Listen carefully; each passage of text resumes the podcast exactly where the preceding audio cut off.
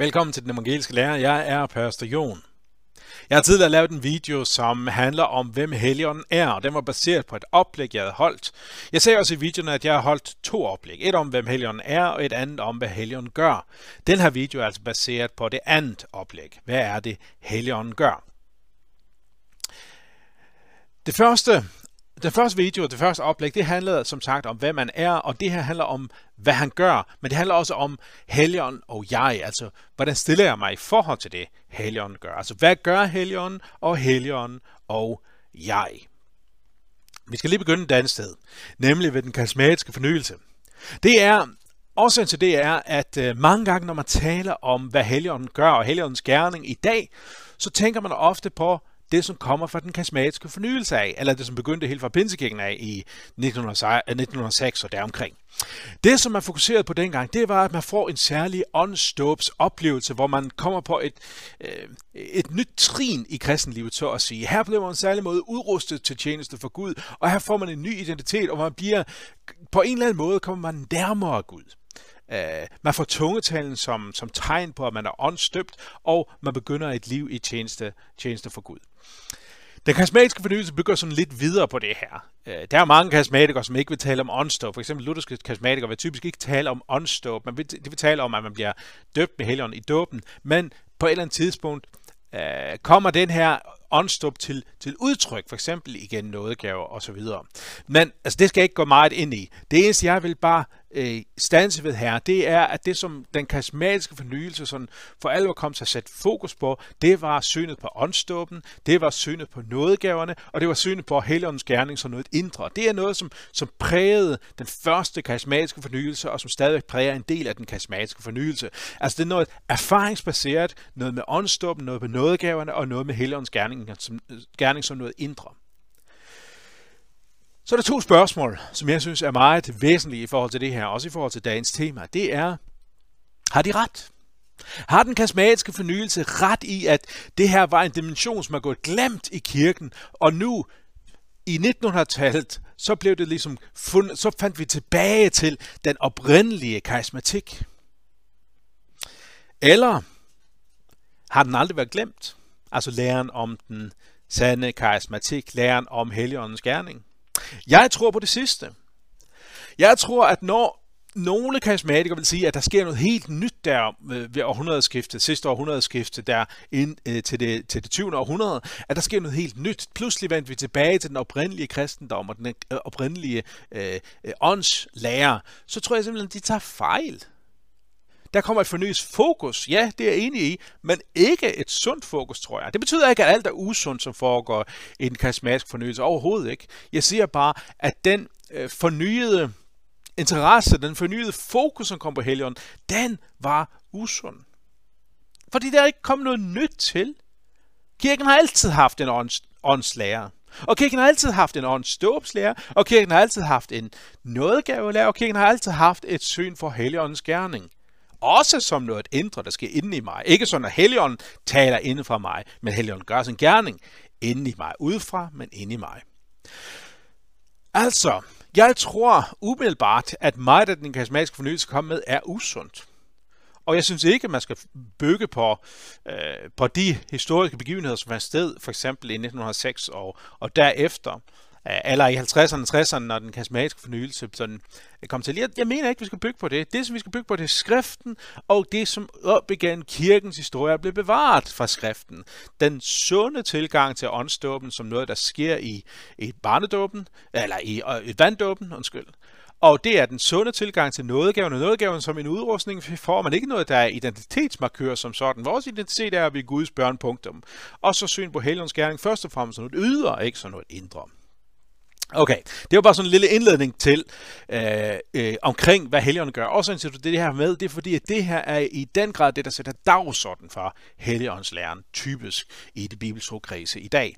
Og det mener jeg øh, ikke bør være sådan. Fordi vi har en helt klar og tydelig åndslære, både Helligåndslære, både i skriften og i det lutherske bekendelse.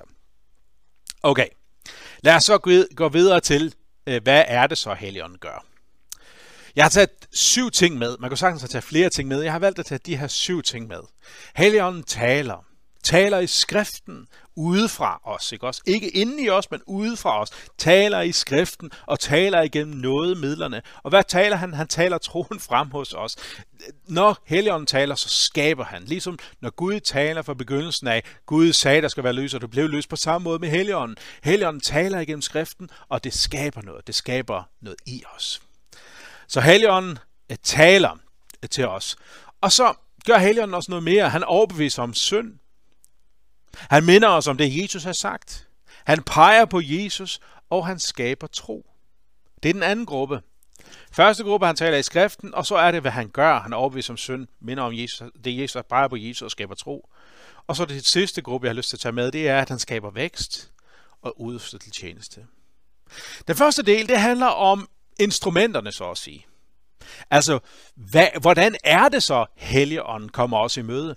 Ikke indefra som en særlig indre fornemmelse eller følelse, men udefra. Igen skriften, igen ordet og igen sakramenterne. Helligånden taler til os udefra. Han taler ud fra nogle helt konkrete instrumenter. Forkyndelsen, dåben, nadvåren, skriftemål. Her taler Helligånden udefra ind i vores liv. Og hvad gør Helligånden så? Han er overbevist om synd. Afslører som syndere og peger på Jesus. Det handler om retfærdiggørelsen. Det handler om retfærdiggørelsen. Og endelig så øh, er helligånden med i helliggørelsen. Det er de tre ting, som jeg har lyst til at pege på i forhold til, hvad Helligånden gør. Først, hvor, hvordan gør han det, hvorfra gør han det, og så har han noget med retfærdiggørelsen at gøre, og så har han noget med helliggørelsen at gøre. Okay, lad os først se på det med øh, instrumenterne. Hvad gør Helligånden? Han taler i skriften. Han taler i skriften. Lad os tage nogle enkelte vers frem, som, som underbygger det her. Først fra 1. Thessalonikerbrev, kapitel 2, vers 13. Paulus siger sådan her til menigheden i Thessaloniki. Da I modtog Guds ord, som I hørte af os, tog I ikke imod det som menneskeord, men som det, det i sandhed er. Guds ord, og det virker i jer, der tror. Hvad er skriften? Skriften er Guds ord, det vil sige, Helligånden taler til os igennem skriften udefra. Paulus ord kom udefra. Apostlene prædikede udefra. Ikke noget, som opstod i deres indre. Jesus siger om det gamle testamente, det er bare et eksempel, man kan sagtens tage andre eksempler, men det er bare tage de her. Jesus om gamle testamente, han siger sådan her, David har selv sagt, ved Helligånden, og så kommer et citat fra det gamle testament, Herren sag osv. Altså, pointen er, at Jesus siger, at da David talte i skriften, så taler han ved Helion. Altså, Helion taler igennem skriften. Helion taler igen med apostlene, sådan så Paulus siger det i 1. Thessalonikerbrev, og Helion taler igennem det gamle testamente. Og hvad sker der så? Jo, hvad er baggrunden for det? Jo, som Paulus siger til Timotheus, et hvert skrift er indblæst af Gud. Gud har blæst sin ånde i skriften, og derfor er det Helligånden, som taler til os i skriften. Skriften er redskabet, skriften er talerør, skriften er telefonen, megafonen, hvor Gud og Helligånden taler til os. Helligåndens tale er altså noget, der kommer udefra, ikke noget inde i os, udefra ind i vores liv. Taler udefra, ind i vores liv. Hvad gør Helligånden? Jo, så kommer vi til det næste punkt, det er med retfærdiggørelsen. Det begynder med en overbevisning. Hvad vil det sige, at man overbeviser nogen om noget? Jamen det er, at man prøver at komme med argumenter og vise, hey, kan du se det sådan? Og så på et tidspunkt bliver vi overbevist. Når Helligånden overbeviser, så gør han det som et spejl, og det kan gå ondt, for det så ser vi pludselig, hvem vi er. Han overbeviser nemlig om synd om vores synd, at vi står afsløret over for Guds domstol og ikke kan noget som helst i os selv. Han afslører os som syndere. Han viser, hvor vi tog fejl. Han afslører vores mørke hjerter. Og så overbeviser han os om retfærdighed. Ikke om en retfærdighed, som vi har fundet frem til i os selv, men en retfærdighed, som kommer udefra.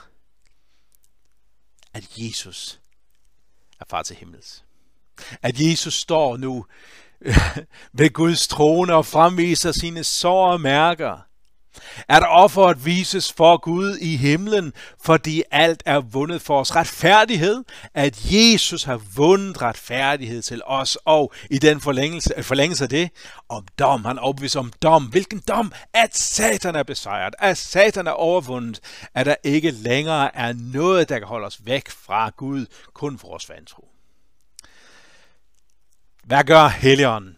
Han minder om det, Jesus har sagt. Det er sådan lidt i familie med det her med overbevisning ikke også?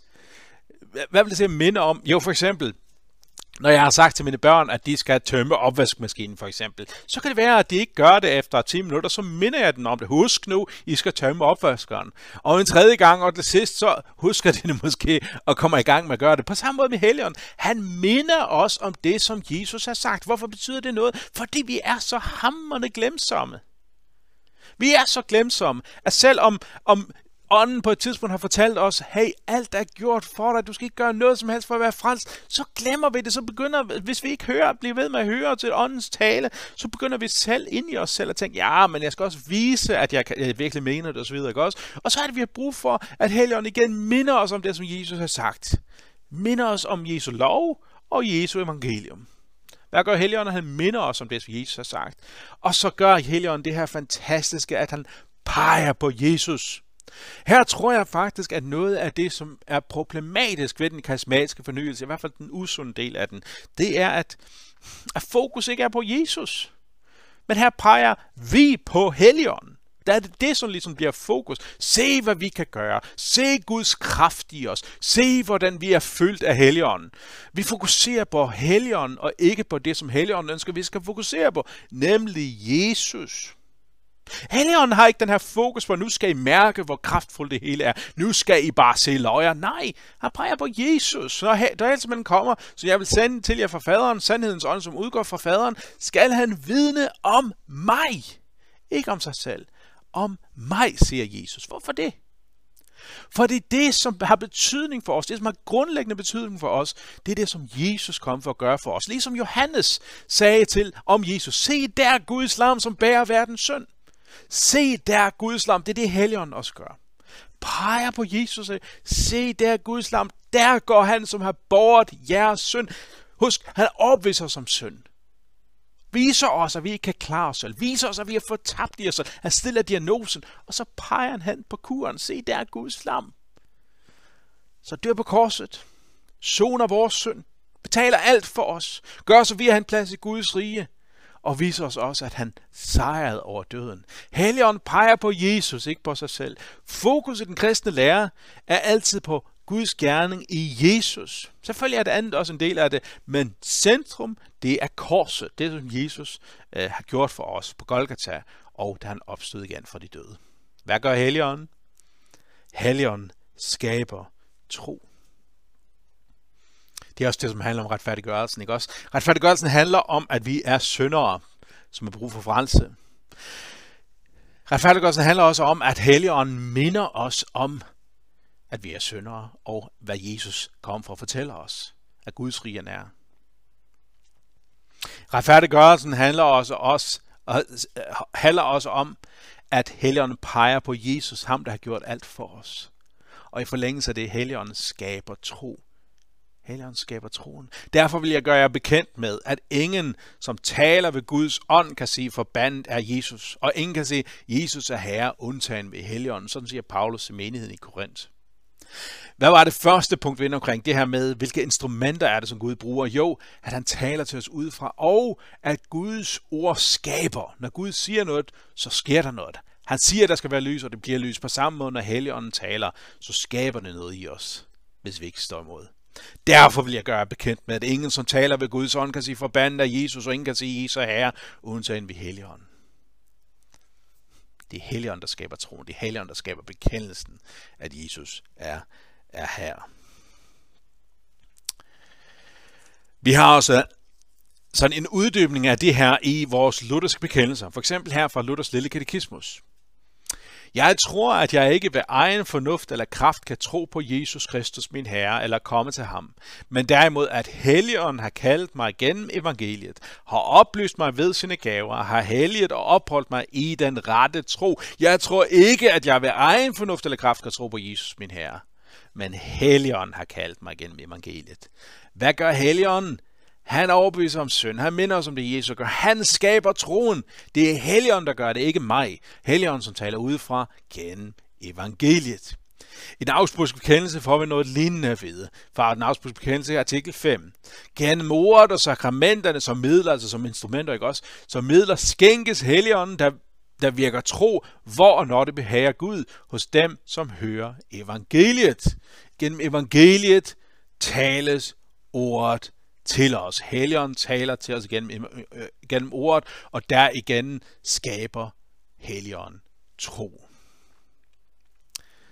Og det sidste af de her tre overordnede temaer, det er, det har noget med helliggørelsen at gøre. Det første, det handler om instrumenterne, altså hvordan, hvor er det øh, Helligånden taler. Det andet handler om retfærdiggørelsen, og det sidste handler om helliggørelsen. Men lad os lige opsummere. Hvad er retfærdiggørelse?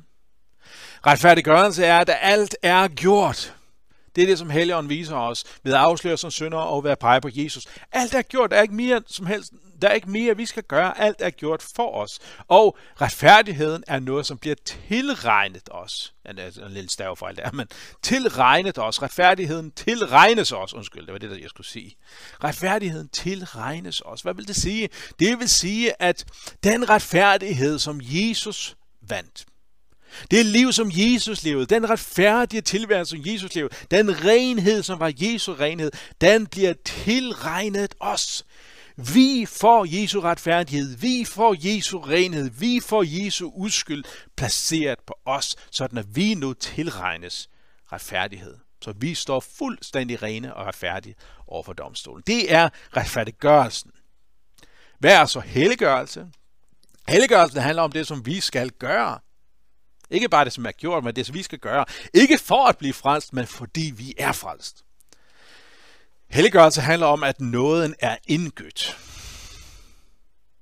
Retfærdiggørelse handler om, at retfærdiggørelsen er tilregnet os. Helliggørelse handler om, at nåden er indgødt, det vil sige, den er givet os og, og, og, og opdrager os nu til et helligt liv. Der sker noget inde i os ved det ord, som kom udefra.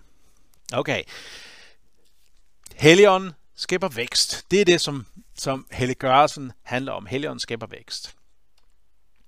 Skabt til gode gerninger er vi, sådan som Paulus siger det i Efeserbrevet kapitel 2, vers 10. Hans værk er vi skabt i Kristus Jesus til gode gerninger, som Gud forud har lagt til rette for os at vandre i.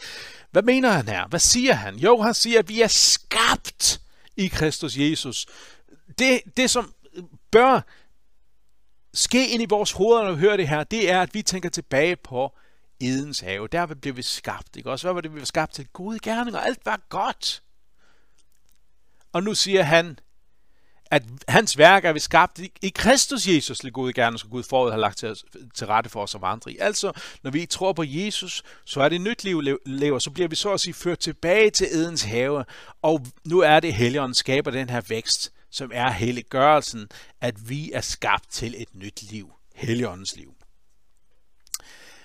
Helligånd, øh, øh, når Helligånden skaber vækst og helliggørelse, så handler det også om, at vi gør, som Gud siger. Derfor kan Paulus sige sådan her til de her troende mennesker, I skal leve i ånden og ikke følge kødslyst. Det er et imperativ, et bydeform. I skal leve i ånden og ikke følge kødslyst. Ikke for at blive frelst. Fordi I er frelst, så skal I leve et helligt liv. Og så det sidste, som måske er det allervæsentligste, at Helligånden, som kommer udefra, gør noget inde i os. Åndens frugt er kærlighed, glæde, fred, tålmodighed, venlighed, godhed, trofasthed, mildhed og selvbeherskelse. Alt det, der er loven ikke mod. De, som hører Kristus til, har korsfæstet kødet sammen med lidenskaberne og begæringerne. Lever vi i ånden, skal vi også vandre i ånden. Det er af helliggørelsen.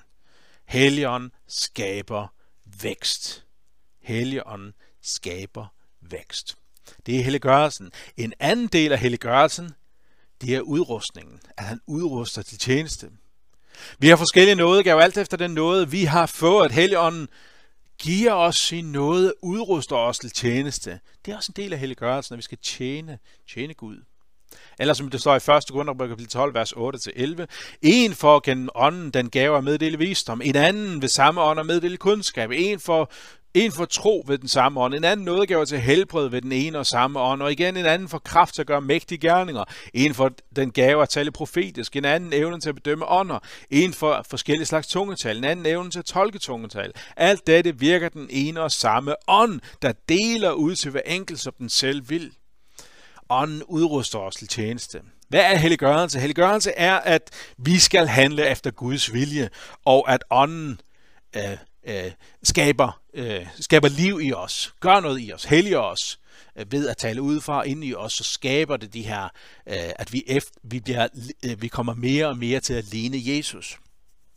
Og hvad gør Helligånden? Udruster os til tjeneste. Der er en bestemt mening med vores liv, nemlig at vi skal tjene vores næste og elske Gud og ære Gud med vores liv. Derfor udruster, udruster Helligånden os med nådegaver. Ikke fordi, at vi derigennem kan se, hvem vi er, Vores identitet er ikke knyttet op på vores nådegaver og evner. Et eller andet sted kan det være lidt lige meget, forstår det rigtigt, om vi ved lige præcis, hvilke nådegaver vi har. Selvfølgelig kan det være rart, men det er ikke det væsentligste. Det væsentlige er, at vi er Guds børn, og vi får lov til at tjene ham, og så vil han udruste os til ad gode gerning. Det er det, han har sagt. Så, hvad gør Helligånden? Han taler og skaber. Han taler i skriften, og han skaber ved sit ord, ligesom han gjorde, da Gud talte i skabelsen, sådan taler og skaber Helligånden også i os. Overbeviser os som søn, minder, som det Jesus har sagt, skaber tro osv. Helligånden retfærdiggør, det vil sige bringer retfærdiggørelsen til os, bringer os Jesu renhed og retfærdighed, gør sådan, at når vi tror, så bliver vi retfærdiggjorte. Og Helligånden bringer helliggørelsen. Han helliggør. Han gør sådan, at vi kommer til at ligne Jesus mere og mere ved at fortælle os om det, ved at minde os om, hvad vi skal gøre, og ved at lade os følge af ham, så vi gør, uh, så vi handler i overensstemmelse med hans vilje. Vores ånd og hans ånd kommer så at sige i synk.